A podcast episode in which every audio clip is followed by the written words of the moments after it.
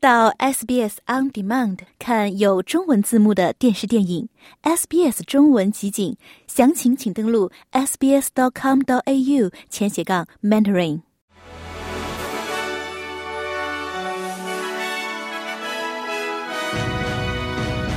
听众朋友，上午好，我是 SBS 记者雨蝶。今天是二零二三年十月二十七日，周五。本期 SBS 新闻快报的主要内容包括：中国国务院原总理李克强去世；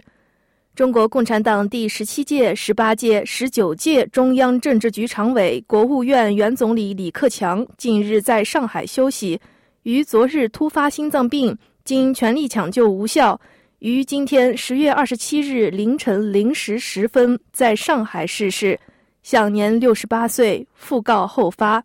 李克强自二零一三年起与中国国家主席习近平共同工作了十年，于今年三月份退休。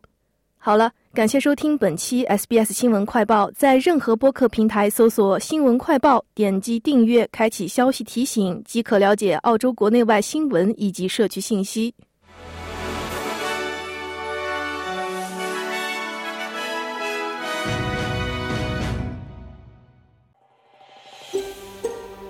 想听到更多这样的故事吗？